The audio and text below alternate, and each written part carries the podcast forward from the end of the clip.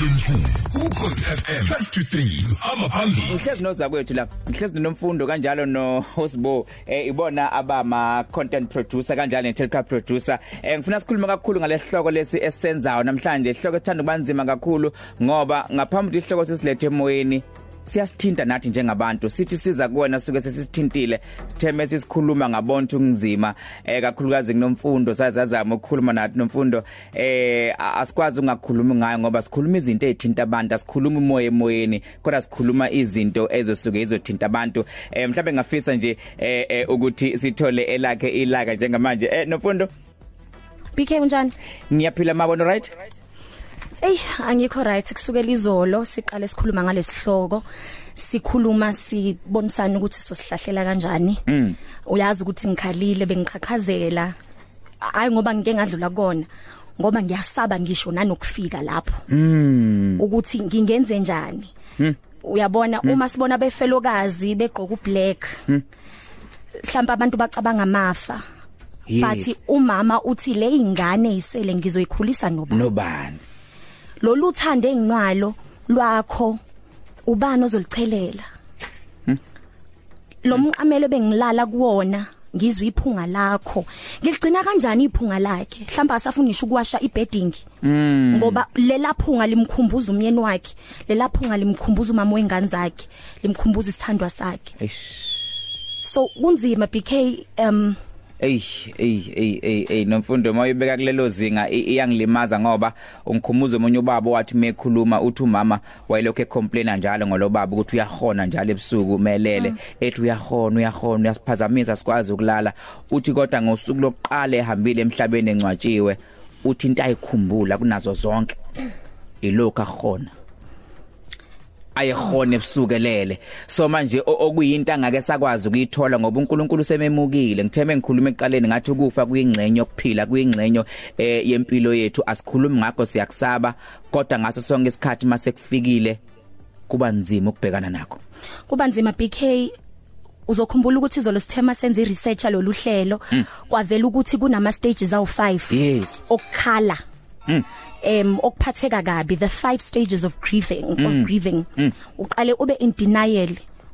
Awu- awukwazi ukukholwa ukuthi hayi uyiphike lento ungayifuni ukuyivuma. Uyayiphika. Uyayiphika iqiniso hayi ngeke ukhona. Hayi usazongena eminyango hayi imoto yakhe isazongena lapha ya eish. Hayi ngisazoqhamukela kuyena epassage mawusuka lapho uyadinwa ngoba uthi inkosi sengimtholile kowami ngamkhetho wami. Usuyamthatha? Eish. Enga. Udinwe uzuthi kushuthi uNkulunkulu akekho. Mm mm uthethise ngisho yena uNkulunkulu kube nzima ngisho ukuthandaza. Okwesithathu bargaining. Uyancenga. Usuqedile ukuba angry noNkulunkulu ubuhela phansi edolweni umncenge. Ukuthi njengoba uLazaro wavuka waphuma ethuneni ubungeke ungenzela umusa na? Mm. Nowami futhi evuke. Bargaining. okwesi4 depression.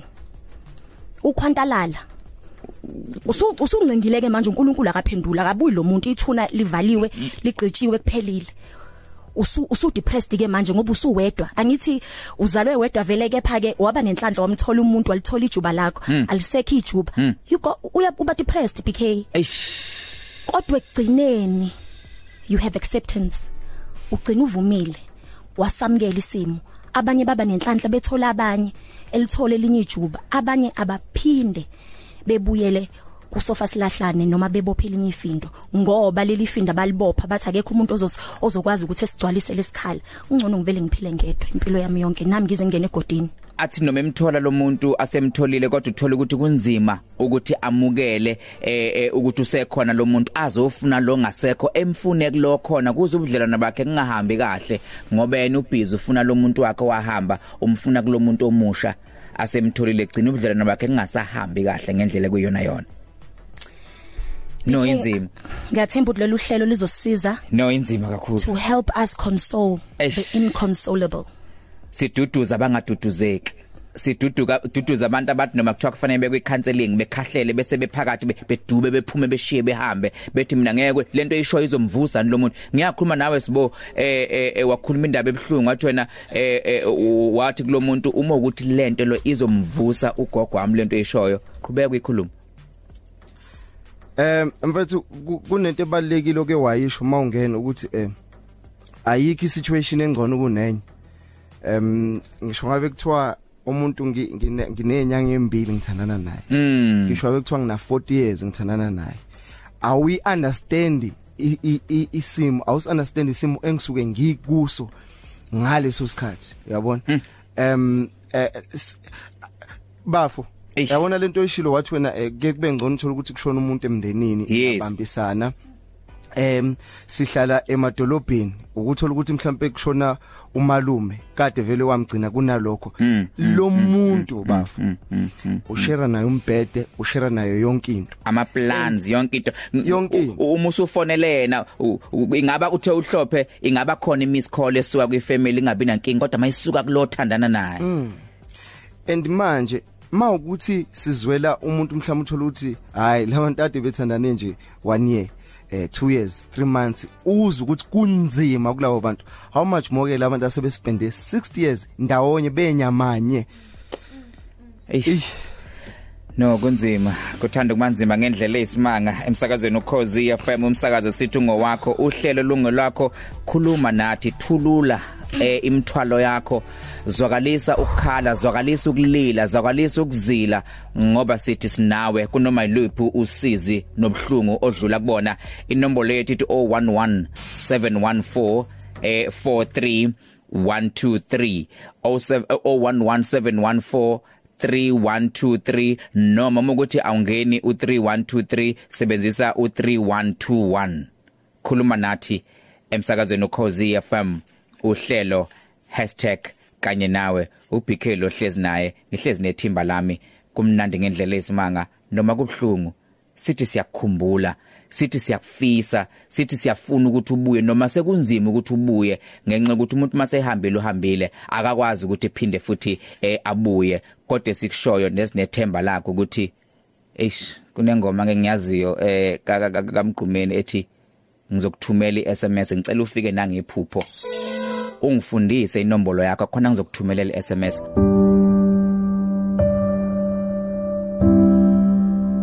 mina ngomunye washoba babantwana eselobola akhala nabantwana it was 2006 leso simo leso kwakunzima kakhulu kodwa into engayifunda kwakuwukuthi kumele ngamukele ngoba kwakumele abantwana baphile. Ekugcineni ngoba ukukhala kwami njalo kwakokwenza ukuthi abantwana libe behlukumezeka. Isimo ngeke uzisishintshe sibuhlungu ngendlela emangalisayo namanje ngimkhumbula. Kodwa ukwamukela okhuluma noma bonke imsimanga ngiyasiza isihloko ngikhuluma ngamqobo bami mina kimi seku-fifteen years but akudluli sometimes ngike ngibone umuntu ofana naye sometimes nginukelwe iphunga liperfume abeyisebenzisa so guys it's very hard. Ak- akulula nje ukuthi udlule uye phambili kunzima kunzima. Okay ngi-right empilweni but according ukuthi yena wavele nje bamdubula sike sangehlela akekho umuntu ongakusiza uma wehlelwe leso simo uyozenzakalela khona. Noma ngabe kuthiwa abantu bakini bakuseke kangakanani kodwa makuhwalala the unomfundo umqamelo iphunga. Ngifuna ukuthi noma ngabe kuthiwa bakuseke kangakanani abakini abasemzini-ke uma umuntu wesifazane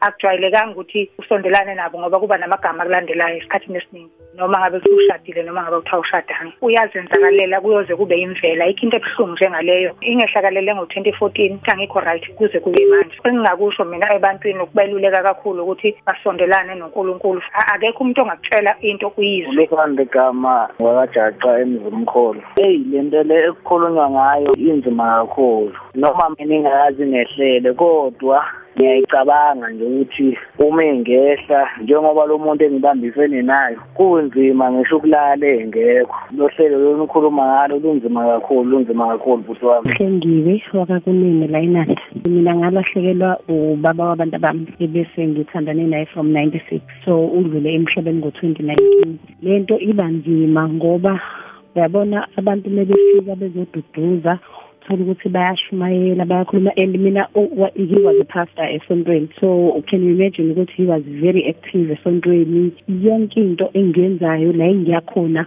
kube ngathi uzombona and all of a sudden umuntu avele anyamalale kanjalo.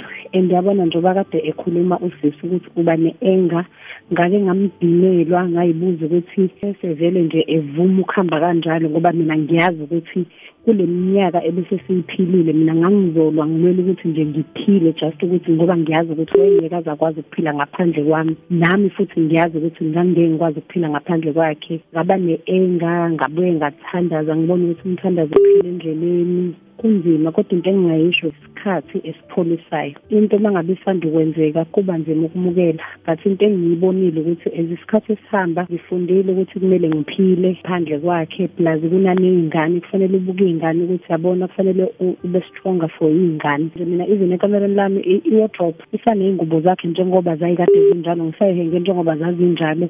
Angikwazi ukuyisusa akakafiki kumina ukuthi ngiyisuse khuluma nosisi sowethu yathi to pick up trouble. Kutofuna indoda ya ngoSeptember Dewe kunzima kakhulu bokumngane wami bokumngane wami dewe kunzima kakhulu asuthi kunzima ukuthi ngiyaswela no angisweli dewe bengijwayele ngakhona ungikhulisile lo muntu ngizwane naye from esikolweni ngizwane naye from esikoleni.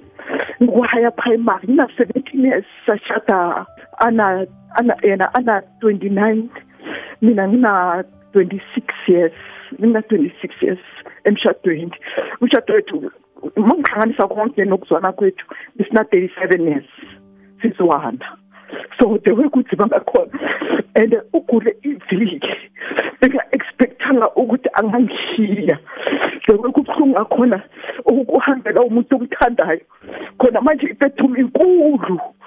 Yazi ngisasela ukuthi yazi nalelo kaphe engihambayo. Yabona kwekathi yes angitholi lento engiyifunayo yo yo ukubela umuntu omjwayele nabantwana abayigcinayo first born yami ina 31 is second born ina 22 the last born na 17 years. Lona 22 use UJ lo omunye usesikolweni. And mina i'm not working uye bekasebenza. But yazi ubhlungu lo ngizwile angikhoni angikhoni angikhoni angikhoni. So akukhona bathi kuzodlula kuzodlula but angi-understand ukuthi bakhuluma ngani ukuthi kuzodlula. Aba which means ngifila ukuthi friends families aba-understand ukuthi mabathi babathi kimi kuzodlula. Or maybe kusasokusha ngoba i-six months now. Khuluma noceba kazonga. Bafowethu ngikiyo le nkinga. Mina-ke akukudala kokuthi kwenzeke before good esimfihla before good. Umuntu esengihlale naye cishe fifteen years isonke. Umtshela manga kunzima kumanje ngivalela endlini. Akuvumi ngingene la besihlala khona sonke. Ngale ndlela ukuthi ngiye ngivele ngibheke isikhathi ebebuya ngaso emsebenzini. Ngibuka indlela ebekhuluma ngayo la mayela eduze. Konke nje nakhona kuvele kwenzeka nje fast ngendlela enga-understandeki ngiyanisa kodwa manje umuntu uma ekhuluma ethi hhayi kuzodlula kuzodlula ngivele ngingazi umuntu uma ethi kuzodlula kuzodlula kube kuqale kanjani kuze sifike kulonile kuleni ludaba othi kuzodlula? Ngoba ngike ngayizama indaba ye-counselling ngayibona ukuthi ayizokungisiza ayingisizi futhi ayingisebenzisi. Ngikhuluma ngesihloko esikhulu kakhulu nami ngadlula kusangisosimo ngo-two thousand and six. Kwakunzima umntwana namhlanje uqedile varsity wayefunda ku-standard two kukhona usisi onaye lapha eduze kwakho osekwakhuluma into esike yangikhipha izinyembezi. Bekhuluma ngemcamelo ekuba nephunga lakhe ungasuze wenze njani. So nje kunzima kakhulu kodwa-ke at the end of the day kuyaphileka. Kona noma kuthatha isikhathi-ke. Eyi mina ngangafuni ukubuka ibhokisi uma kuyimuvi ku-tv ngangayi futhi ungakhona isimanga ukuthi nje beshona two thousand six ngizaqala ukuvakasha ethuneni lakhe lastini ngendlela enzima ngayo. Emshadweni sahlala naye. Sathi salobulana u-nineteen years ngokuthandana but emshadweni sihlale only four years. Futhi lesi silibadesho nje. Ngangaqondi ngoba wangenwa yisifo sokudlulile ngangaqondi ukuthi sisoze singaze simthathe.